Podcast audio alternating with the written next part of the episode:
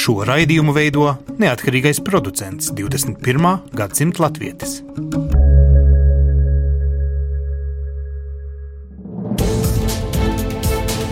Septiņas dienas Eiropā piedāvā Eiropas radiotīkls Eironet.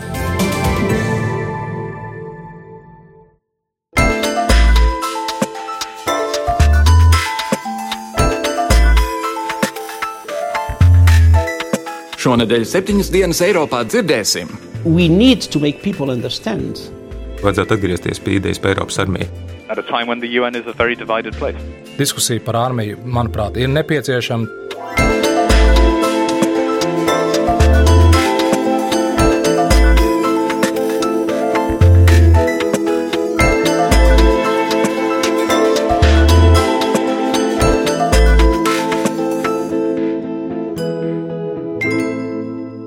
Labdien, godējamie klausītāji! Latvijas radio studijā Kārlis Streips sveicu jūs jaunākajā septiņas dienas Eiropā izlaidumā.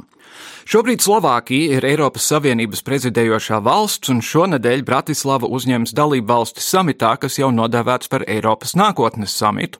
Šī būs pirmā reize kopš Brexit balsojuma, kad visas Eiropas valsts galvas sanāks kopā vienu vietu. Jāatzīst, ka pirms samita Slovākijas premjerministrs Roberts Fico fiksi paspēja vēl aizbraukt uz Maskavu paciemoties pie senās paziņas Vladimira Putina.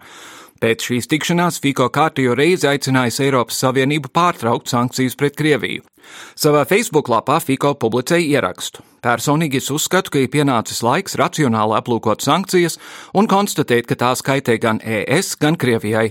Mēs ar Vladimiru vienojāmies, ka mūsu kopīgās interesēs ir atkal atdzīvināt savstarpējo tirdzniecību. Diemžēl Fiko nav vienīgais, kas klāst šādu viedokli.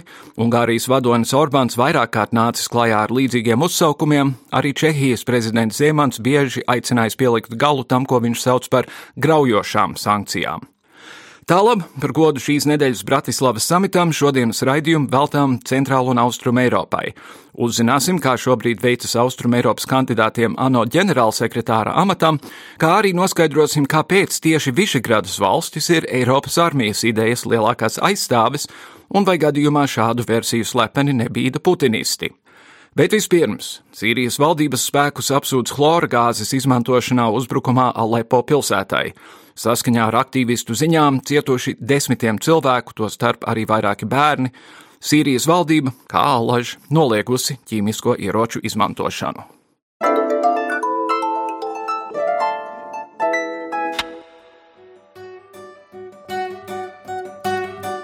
Pagājušajā mēnesī ANO sadarbībā ar ķīmisko ieroču aizlieguma organizāciju paziņoja, ka Sīrijas valdības spēki 2014. un 2015. gadā veikuši divus uzbrukumus, izmantojot chlora gāzi. Uzreiz pēc tam Sīrijas civilās aizsardzības organizācija apsūdzēja Asada spēkus vēl vienā ķīmiskā uzbrukumā, kara izpostītajā Alepo. Savukārt pats nesenākais chlora gāzes uzbrukums noticis pagājušajā otrdienā pēc valdības pūliņiem aplenkt pilsētā esošos opozīcijas kaujiniekus. Kā ierasts, valdība vainu ir noliekusi un sniegtos pierādījumus apšaubījusi vainojot opozīcijā esošos spēkus. ANO solījusi pie pirmās izdevības situāciju izmeklēt, kamēr Krievijas un ASV prezidenti pēc G20 samita uzsākuši augsta līmeņa sarunas par labu pamieru rīkošanai. Vairāk stāsta The Daily Star korespondente Libānā Naģa Masiha. Well, activists inside Aleppo have been circulating quite harrowing footage of civilians, many of them children, uh, struggling to breathe, Alepo esošie aktīvisti izplatīja visai šaušalīgus ierakstus, kuros redzami civiliedzīvotāji, tostarp arī bērni, kuriem ir grūtības elpot, kuri klepo ar asarojošām acīm un vemj no nelabuma. Pilsētas ārsts uzstāja, ka šie simptomi atbilst ķīmiskam uzbrukumam. Cik saprotu, aptuveni 70 līdz 100 cilvēku ir cietuši un nogādāti slimnīcā. No viņiem vismaz viens ir gājis bojā. Ir vajadzīgs piebilst arī to, ka šīs ziņas vēl nav apstiprinājuši neatkarīgi novērotāji novērotāji, un Sīrijas valdība jau sen ir noliegusi jebkādu vainu ķīmiskajos uzbrukumos kara laikā. Pārliecināties par ziņu patiesumu ir ļoti grūti, ņemot vērā, cik ļoti ierobežota ir piekļuva aplenktajai pilsētai. Faktiski tik ierobežota, ka tikai pagājušajā mēnesī ANO varēja secināt, ka gan Sīrijas valdība, gan Daīša veikusi uzbrukums ar ķīmiskiem ieročiem vismaz kopš 2014. gada. Patiesībā Sīrijas valdība atteicās no lielākās daļas ķīmisko ieroču kopš tā parakstīja ķīmisko ieroču konvenciju 2013. gadā. Līgums tika parakstīts pēc ķīmiska uzbrukuma Damaskā ar simtiem upuru, pēc kura ASV draudēja reaģēt, iesaistoties kara darbībā.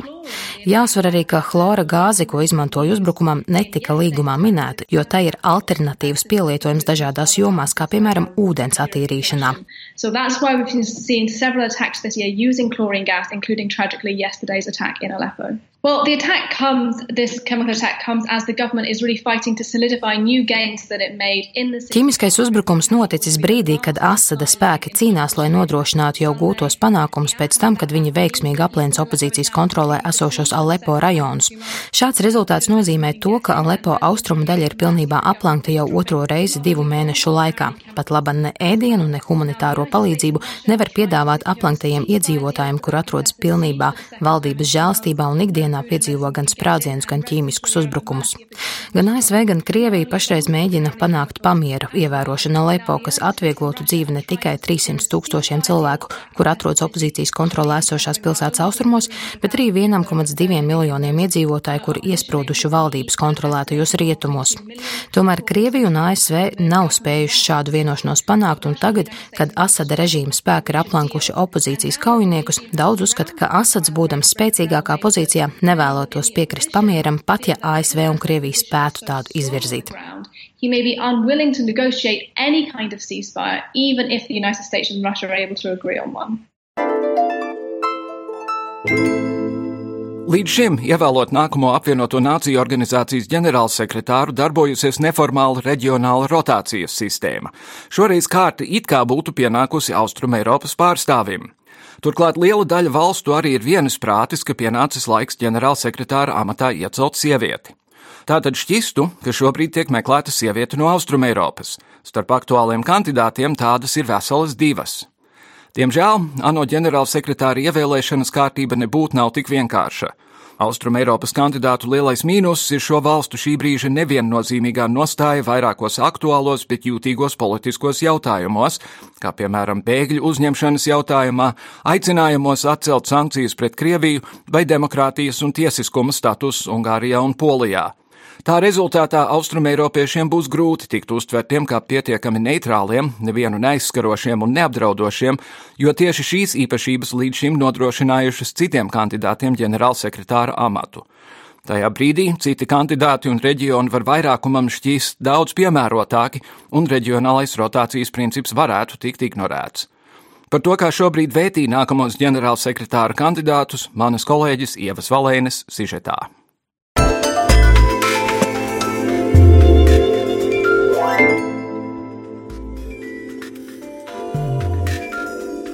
31. decembrī amata termiņš beidzas līdzinējuma apvienoto nāciju organizācijas ģenerālsekretāram Banam Kimunam, un plānots, ka oktobrī tiks ievēlēts viņa pēctecis.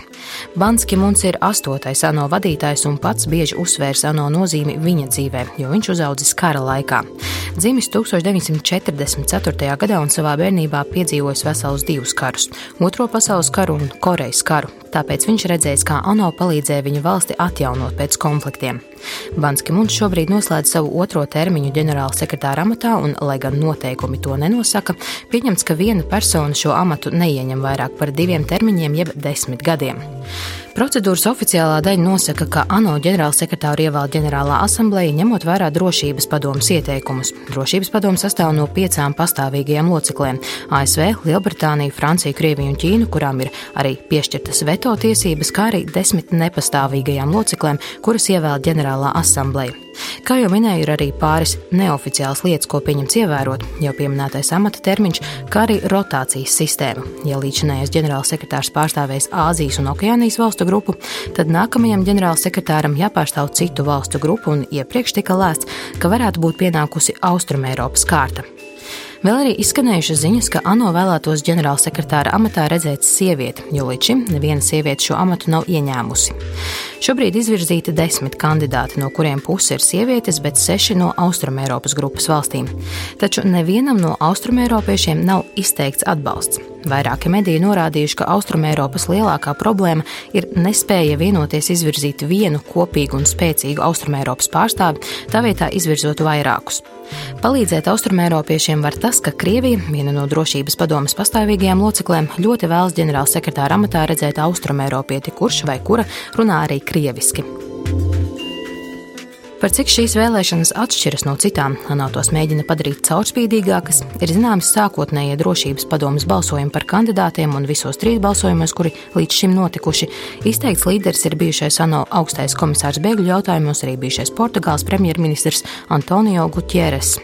Intervijā portālam Global Observatory Gutieres norāda, ka ANO ir jākļūst efektīvākam gan darbības, gan finansējuma izmantošanas ziņā, taču tā nav vienīgā problēma, ar ko jaunajam ģenerālsekretāram būs būs jāsaskaras?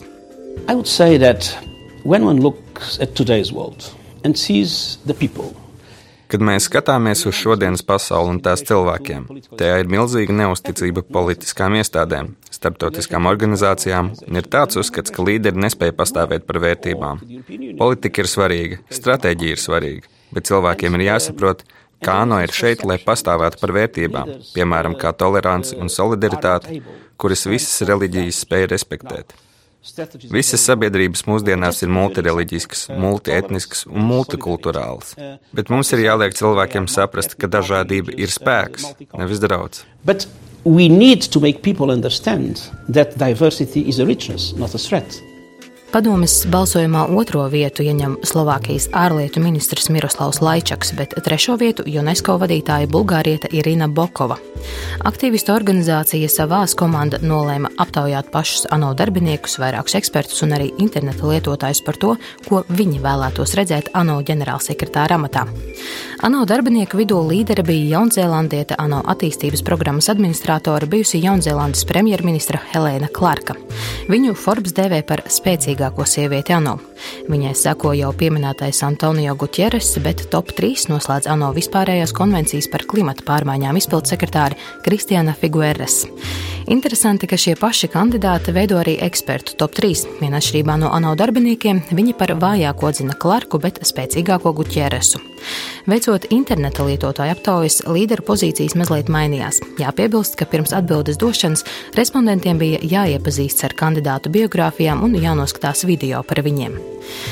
Interneta lietotāji par līderi atzina Kristiānu Figueresu, bet viņai uz papēžiem min Helēna Klarka. Šeit gan Guķeras neiegūta trešo vietu, jo respondenti devuši priekšroku sieviešu kandidatūrām. Tomēr augusta beigās notikušajā trešajā drošības padomas balsojumā neviena no abām dāmām nemin uz papēžiem Guķeresam. Kristiāna Figueres desmit kandidātu sarakstā ieņem pēdējo vietu, bet Helēna Klarka ir apmēram pa vidu. Pirmās vietas ieņem vīrieši par spīti tam, ka ļoti daudzas dalību valsts vēlas redzēt sievieti ģenerāla ģenerālsekretāra amatā. ANO pētnieks Ričards Govans intervijā amerikāņu radiostacijai NPR norādīja, ka tam ir vairāk iemesli. In secret, a lot of male ambassadors in New York prefer the UN to be a boys' club. Daži cilvēki domā, ka tas ir tāpēc, ka slepenībā daudzi vīriešu vēstnieki Ņujorkā dod priekšroku ANO kā puīšu klubiņam. Es domāju, ka tajā ir daļa patiesības, bet ir arī daudz politisko spēlīšu. Suzana Malko ir no Argentīnas un tiek skatīta kā ļoti tuva ASV, kas ir viņas kavēklis attiecībās ar Krieviju un Ķīnu. Irina Boikova ir no Bulgārijas un tiek uzskatīta par pārāk tuvu Krievijai, kas nozīmē, ka rietumi ir atturīgi pret viņas kandidatūru. Tas ir daļēji par dzimumu, bet ļoti nozīmīgi ir lielā politika laikā, kad ANO ir ļoti sašķelta. Maskava domā, ka ja ANO ģenerālsekretārs būs no tās kaimiņiem, tai būs papildu vara pār to bet krievi ir realisti, un viņi var ar laiku nonākt pie kāda darījuma. Ir pat pāris norādes, ka viņi varētu piekrist Gutierresa kandidatūrai.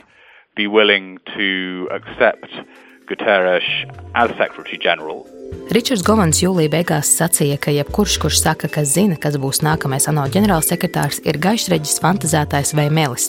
Un jāatzīst, ka pēc pēdējā drošības padomas balsojuma ir vēl grūtāk pateikt, kurš galu galā vadīs organizāciju mieram un sadraudzībai.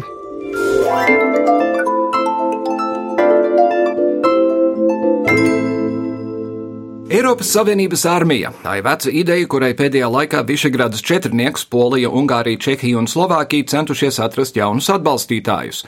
Vai šāda kopīgas armijas ideja vispār ir realizējama un kāpēc tieši austrumēropieši ir lielākie šīs idejas aizstāvji?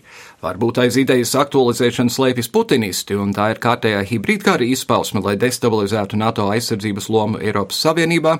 Lai šodien par to spriestu, studijā ir saimas deputāts aizsardzības iekšlietu un korupcijas novēršanas komisijas pārstāvis Veikos Polītis. Labdien! Labdien! Un Latvijas ārpolitikas institūta drošības jautājumu pētnieks Māris Anžāns. Labdien! Labdien jums abiem! Cik sēna ir šī doma? Ir, ir ilgi un dikti runāts par to, ka Eiropas Savienībai vajadzētu kaut kādus drošības spēkus, bet cik tālu ar to ir kādreiz tikt? Veikts un tad atmests. Ja, nu, filozofiski mēs varam iet pat uz 19. gadsimtu, un te ir daži dažādi traktējumi bijuši par to, kāda ir bijusi Napoleona armija vai vēlāk kāda ir bijusi Hitlera armija. Bet, nu, lai neiet tik tālu filozofiski, tad eh, mēs runājam tomēr par to, kādā veidā Eiropas Savienībā notikušas diskusijas par Eiropas kopējiem spēkiem. Šeit gan Pētersburgas uzdevumi, gan Sentmālā deklarācija 1997. gadā ir runāts par šo jautājumu, bet patiesībā tālāk nav tikts, jo galu galā Eiropas Savienība šobrīd, lai arī ir krustcelēs, viņa nav vairs vienkārši starptautiskā organizācija, kā tāda ir piemēram ANO vai citas līdzīgas organizācijas, bet viņa vēl nav arī valsts. Tā kā šajā gadījumā Eiropas Savienība, protams, ir krustcelēs, diskusija par armiju, manuprāt, ir nepieciešama. Tikai jautājums ir, kurā brīdī mēs līdz tam nokļūsim. Jā, nu, ko arī ar kungu papildinot, eh, Eiropas Savienība pat ir attīstījusies, evolūcionējusi no Eiropas ogļu tērauda kopienas, kļuvusi par to, kas tā ir šobrīd ar ļoti daudzām dažādām jomām. Bija tāda Rietuma Eiropas Savienība eh, jau no 50. gadiem darbojās, jau faktiski 50. gados pagājušā gadsimta bija idejas par ciešāku integrāciju militāro savstarpēju. Un, un, un tā virzība attīstījās vairāk 90. gados un, un 2000. gados. 2007. gadā tika izveidots Eh, Eiropas Savienības kaujas grupas, kas ir ātrās eh, reaģēšanas mehānisms. Pēdējo reizi bez šiem te Višegrādas valsts paziņojumiem 15. gadā Žans Klods Junkers saistībā ar Krievijas agresiju Ukrainā arī izteica eh, ierosinājumu, ka vajadzētu atgriezties pie idejas par Eiropas armiju, kas būtu tālāks solis, kas papildinātu, padzinātu Eiropas kopējo ārēju un drošības politiku. Vēl papildus Mārim patiesībā paldies, ka atgādināja par Rietumē Eiropas nolīgumu, jo patiesībā Rietumē Eiropas nolīgums bija pusceļš arī Eiropas Savienības ogļu un tērauda savienībai. Proti, 1948. gadā Briseles nolīgums par kopējo drošības politiku diemžēl neizdevās pateicoties Francijas nostājai par Lielbritānijas dalību šajā organizācijā. Līdz ar to šīs Francijas un Lielbritānijas pretīmstāvēšana neļāva attīstīt drošības sfēru kā daļu no Eiropas sadarbības mehānismiem.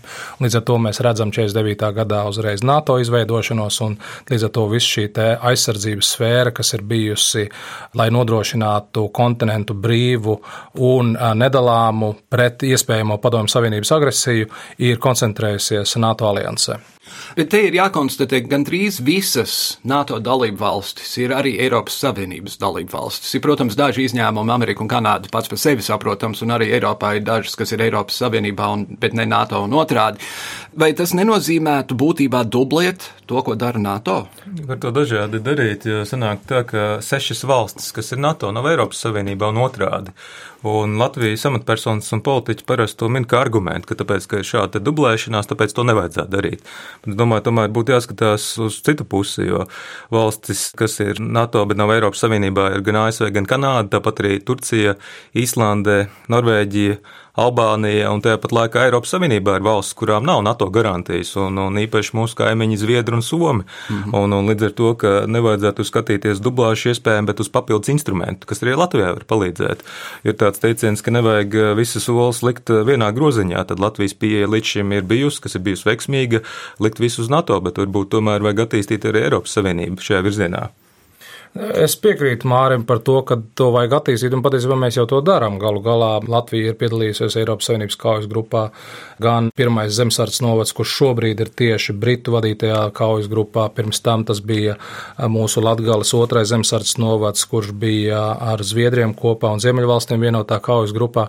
Bet šeit ir otra lieta, manuprāt, jo sākumā, ko Kārls uzdeva jautājumu arī par šo te Višegrads valstu lomu, es esmu par Eiropas armiju, bet, manuprāt, šobrīd jautājums ir savā savādāks. Manuprāt, jautājums ir par secību, kurā brīdī mēs līdz tam nonākam. Jo galu galā pats svarīgākais, manuprāt, šobrīd Eiropas Savienībai nodrošināt robežu drošību, tad izrunāt struktūrālos jautājumus, kādā veidā mēs pārvaldam šo organizāciju, kura vēl nav valsts, jo viņa vēl joprojām ir starptautiska organizācija, un tad mēs varam runāt par armiju.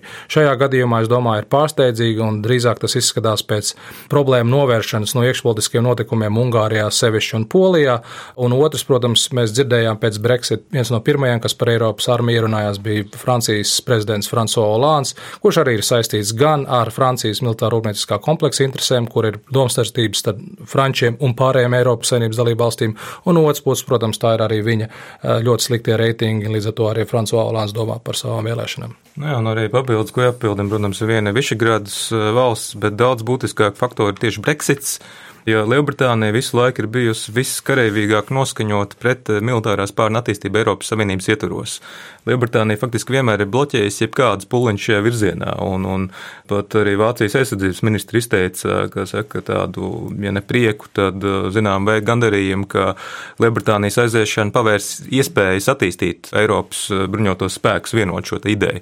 Un arī Vācijas jaunā drošības politikas baltā grāmata runā par to, ka ir jātīst Eiropas spējas, un līdz ar to visticamāk Vācija, Francija būs galvenie šie spēki, kas to virzīs uz priekšu, un arī Višegradas valsts var skatīties dažādu uz tām idejām. Viņa jau šo armijas ideju ir pacēluši saistībā tieši ar migrantu krīzi, tas, ko Veiko minēja, ka Eiropas armija potenciāli varētu būt mehānisms, kas var rīkoties tad, kad nevar NATO rīkoties, ka tam būtu mazliet citādāk uzdevumi, jo arī šobrīd Eiropas Savienības kaujas grupām viņām ir citas funkcijas un arī Un bēgļi, bēgļi jau nav militārs jautājums. Jā, bet nu, bieži vien arī tiek iesaistīti, un tur kaut kādā veidā tomēr varētu izmantot to kā papildus spēku. Protams, nevis lai karotu, bet eh, mēģināt pārvaldīt situāciju. Mm -hmm. Protams, kaujas grupas ir domāts potenciāli militāra uzplaiksnījuma novēršanai un risināšanai, bet, ja mēs skatāmies tieši šobrīd, kur mūsu pirmā zemesardzes novada, tātad kurzemes novada zemesargi un arī um, NBS pārstāvi ir šajā te standby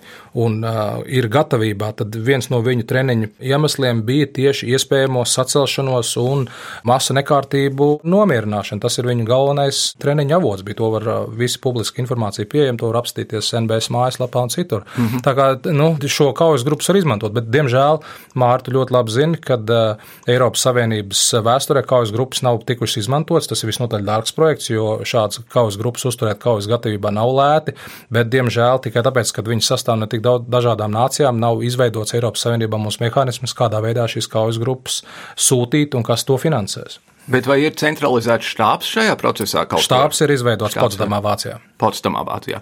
Vai ir iemesls domāt, ka minētajās valstīs runa ir ne tikai par jau pieminēto vēlmi novērst uzmanību no tā, cik kretīniskas ir pašas valdības, bet arī bīdīt Krievijas intereses, jo bez šaubām Krievijas interesēs ir vājināt NATO un vājināt NATO klātbūtni? Tas ir viens no elementiem, bet es nevērtētu, ka tur būtu Krievijas ietekme jāmeklē, jo Krievijas ietekmēs arī varam meklēt ASV skatoties, kā attīstās situācija.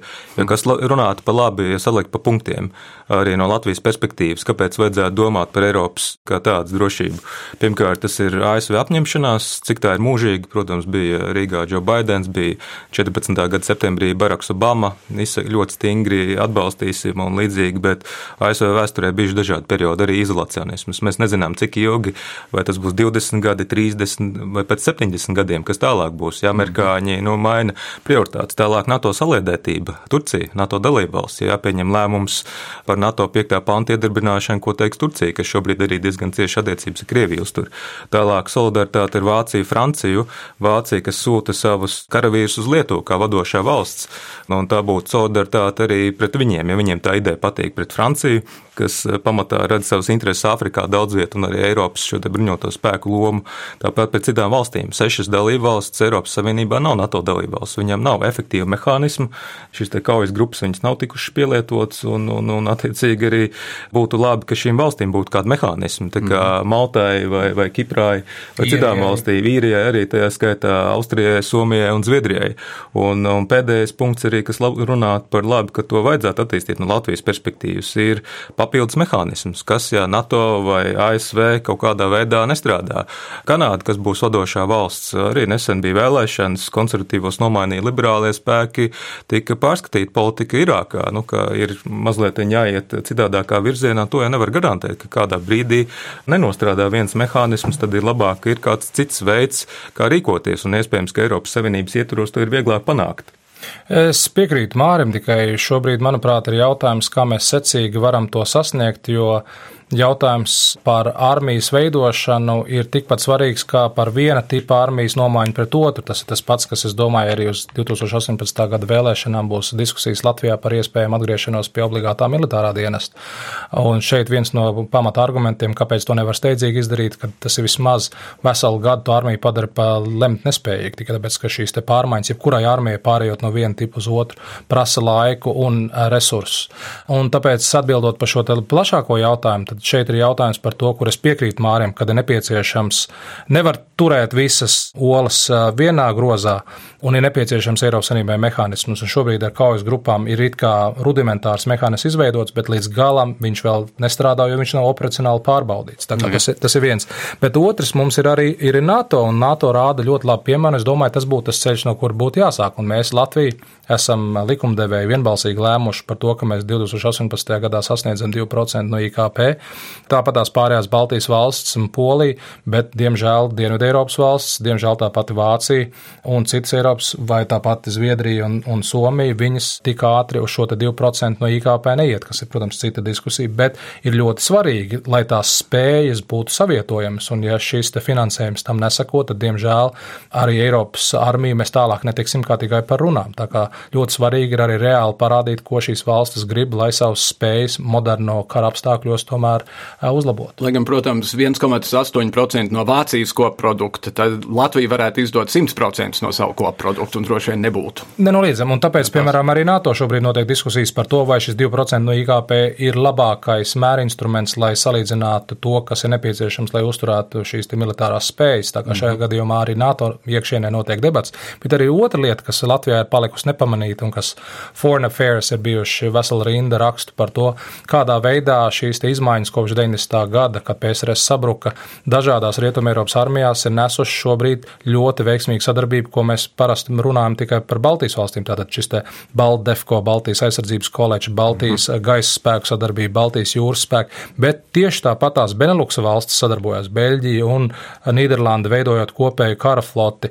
Nīderlandieši likvidēja savu tanku armiju. Šobrīd Nīderlanda atkal atjauno savu tanku armiju, bet Bundesvēra ietvaros, piemēram. Tā kā ļoti interesants un inovatīvs idejas, kas jau ir tagad NATO ietvaros strādā, un es domāju, ka viņas ir komplementāras arī ar turpmāko Eiropas armijas ideja, bet jautājums tikai kādā veidā šo ļoti tālo, manuprāt, vismaz 40 gadu no mums šobrīd, protams, ja nav kaut kāda ārēja iespaidi, tad, eh, lai sasniegtu šo Eiropas armijas, manuprāt, ideālistisko mērķi. Uz tā jautājuma pamata, ja, ja mēs tad runājam par papildināšanu, kā jūs, jūs teicāt, vai tas nenozīmētu, ka tādā gadījumā Latvijai būtu jādomā nevis par Eiropas armiju, bet par spēju pilnveidošanu starp Baltijas valstīm un konkrēti Zviedriju un Somiju, kas tepat vien ir? Arī tajā skaitā, jā, un ir, ir jādomā, jebkurā gadījumā par spēju pilnveidošanu. Ja Latvijā paši mazākie bruņoties spēki Baltijas valstīs, protams, es šeit neskaitu zemesargus. Ja mēs skaitītu zemesargus, tad mēs abi ar veiko būtu skaitām arī iekšā tajā visā. Mm. Un, un lielākie bruņoties spēki ir Lietuvai, pēc tam ir Igaunija, Latvija pēc tam. Un es domāju, ka Latvija pilnīgi mierīgi varētu attīstīt vēl kādu bataljonu jaunu veidot, kas būtu vērsts gan uz reģionālo sadarbību un tieši ar šīm valstīm, kas ir Somija. Somija, Zviedrija un pārējās Baltijas valsts. Tas varētu kalpot par elementu arī kopējas tiksim, virzības uz, uz Eiropas bruņotajiem spēkiem.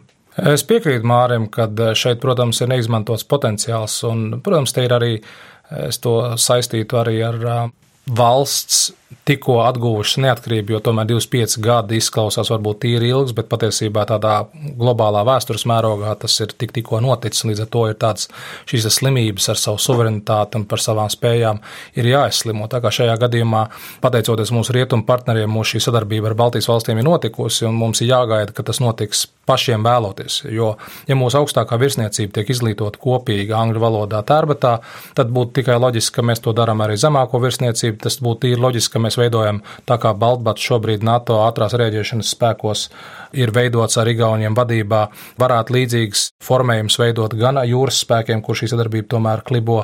Un tieši tāpatās nākotnē noteikti gaisa spēku loma pieaugs un varētu būt sadarbība šajā jomā. Tieši tāpatās kā joprojām ir daudz neizmantotas iespējas arī kopīgos iepirkumos, kas jau ir atkal atsevišķa diskusija. Protams, vispirms mums jātiek pie mūsu pašu gaisa spēkiem, kas arī ir problēma.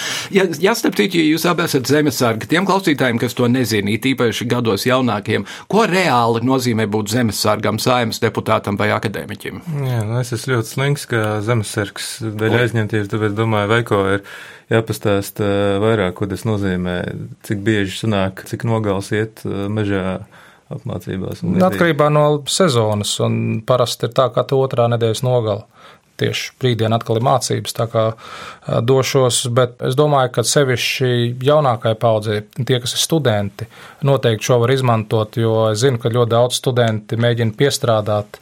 Līdz ar to šo pašu naudu var saņemt arī par dalību zemesardzē, jo tu vari mm. saņemt arī naudu par to.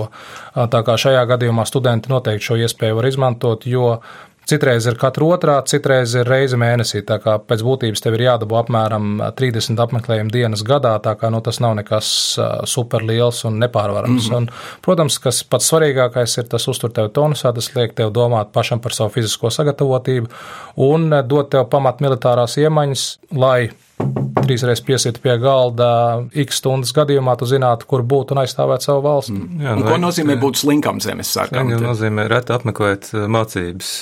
Tā drīkst. Protams, nav, nav labi, ir jācenšas vairāk, bet nu, tā darba ir tik daudz ka ir ļoti grūti, bet arī papildinot veiko Rīgā tieši ir arī zemesēdzes studentu bataljons, tāpēc arī parasti studējošie tiek aicināti tur pievienoties un ir dažādas iespējas apgūt gan pamatiemaņas, gan arī, kā veiko saka, nopelnīt. Tiek maksāts uzturdevs par dalību apmācībās, mācībās, Un, un tāpat arī ir iespējas piedalīties apsardzes pasākumos, kad ir jāapsargā mm. objekti noteikti, ka ir pietiekami daudz iespējas. Un var uniformu uzvilkt un strāms sajusties. Jā, bet atgriežoties pie galvenās tēmas, jau bija tika minēts, ka saimas vēlēšanu kontekstā varētu notikt saruna par atgriešanos pie militārā dienesta. Tā būs politiska saruna, un mūsu militārais dienests ir diezgan klāri pateicis, mums tas nav vajadzīgs, mēs nezinātu, ko ar tā kaut ko iesākt, un mums ir labi ar profesionālu armiju. Te ir tas pats jautājums jautājums par to Eiropas armiju. Politisks lēmums ir viena lieta. Vai mēs zinām, ko domā militāristi? šajā ziņā. Jo, protams, visās valstīs ir civila pārvalde pār bruņotajiem spēkiem, bet ko domā militāristi?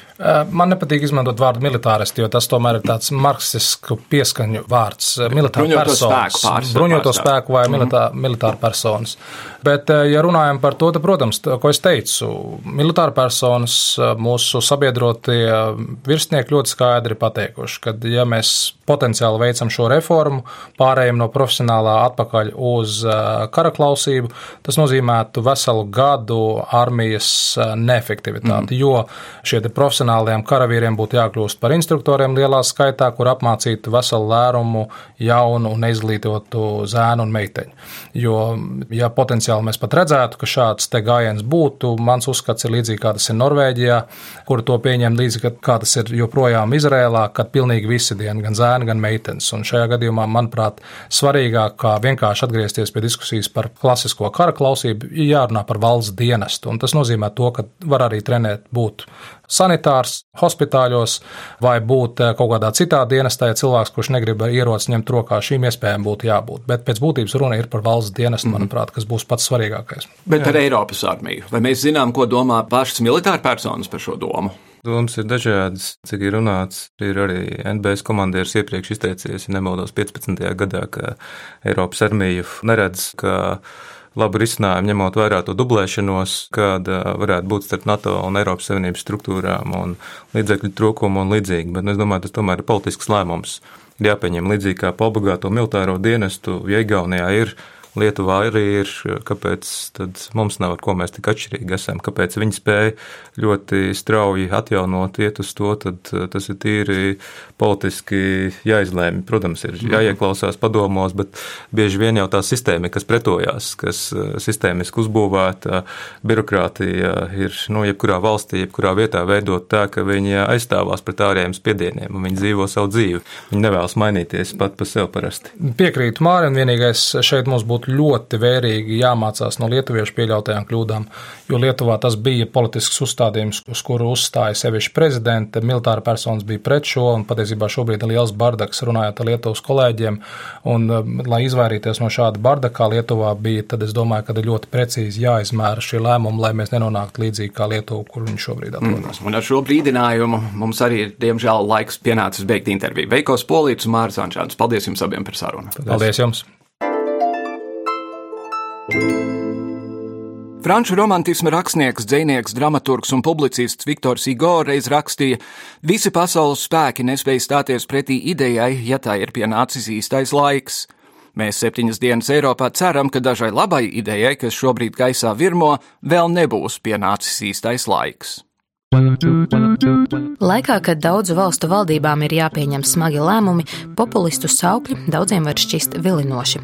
Kāds noticis tukšajiem un bieži nepiepildāmajiem solījumiem, cits, dodoties pie vēlēšanu urnas, vēlas protestēt pret pastāvošo varu un atdot savu balsi skaļākajiem politiķiem. Kā veicas populistiem Eiropā, komentē politikas zinātnes doktora Ilze Balcera. Tiešām pēdējo gadu laikā populistiskās partijas Eiropā ir um, vairojušas savu popularitāti un ieguvušas diezgan būtisku pārstāvniecību gan reģionālajā, gan nacionālajā līmenī. Šeit es īpaši gribētu atsaukties uz nesenajiem notikumiem Austrijā, kur radikāli labējās partijas prezidenta amata kandidāts Norberts Hofers ieguva 49% balsu. Populisma kontekstā vēl es gribētu minēt arī kreisā spāna populistu triumfu Dienvidu Eiropā, proti Podemos Spānijā un Sirijas Grieķijā, tāpat kreisie populisti ir koalīcijas sastāvā šobrīd Portugālē un Itālijā. Īpašs stāsts ir par Vāciju, jo Vācija būtībā ilgu laiku bija viena no retajām Rietuma Eiropas demokrātijām, kurā līdz šim nu, labējā spāna populisti nebija radījuši nopietnus draudus, izaicinājumu tradicionālajām pie varas esošajām partijām. Tagad šī situācija ir mainījusies arī Vācijā, un šeit es atsaucos uz partiju alternatīvu Vācijai, kura šobrīd jau ir pārstāvēta, ja, nemaldos, deviņos no 16 Vācijas reģionālajiem parlamentiem. Turklāt aptaujas rāda, ka šim spēkam ir arī reāls iespējas iekļūt Bundestagā nākamā gada vēlēšanās. Ja runājam par to sabiedrības motivāciju, kāpēc cilvēki atbalsta šīs partijas, tad tur droši vien jāstāsta būtu katrā valstī individuāli, taču viens no tiem galvenajiem iemesliem, protams, ir šī nepieredzēta straujā un joprojām progresējošā imigrācijas krīze un arī teroraktu vilnis Eiropas lielajās pilsētās. Ja mēs runājam par Dienvidu Eiropu savukārt, tad tur pamatā ir neapmierinātība ar bargo taupības politiku un joprojām jūtamās ekonomiskās krīzes sekas. Šobrīd manā skatījumā nekas neliecina, ka šo partiju panākumiem varētu kaut kas būtiski traucēt jo šie politiskie spēki pamatā varojas, ja tā var teikt, tradicionālo partiju nespējas tik galā ar šīm te kaut vai manas minētajām problēmām, un ja tradicionālās partijas pie varas esošie politiskie spēki spēs uzrunāt šīs problēmas un atrisināt īpaši tās problēmas, ja kas satrauc šos te radikāli noskaņotos vēlētājus, tad arī šo partiju panākums arī varētu beigties.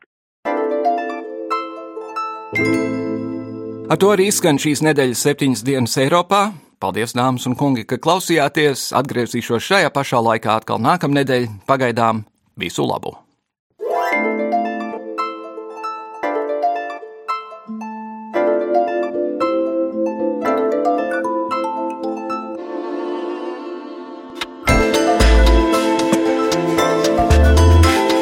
Raidījumu veido Kārlis Streips, Ieva Valēne un Jānis Krops. Raidījuma producents Lukas Rozītis.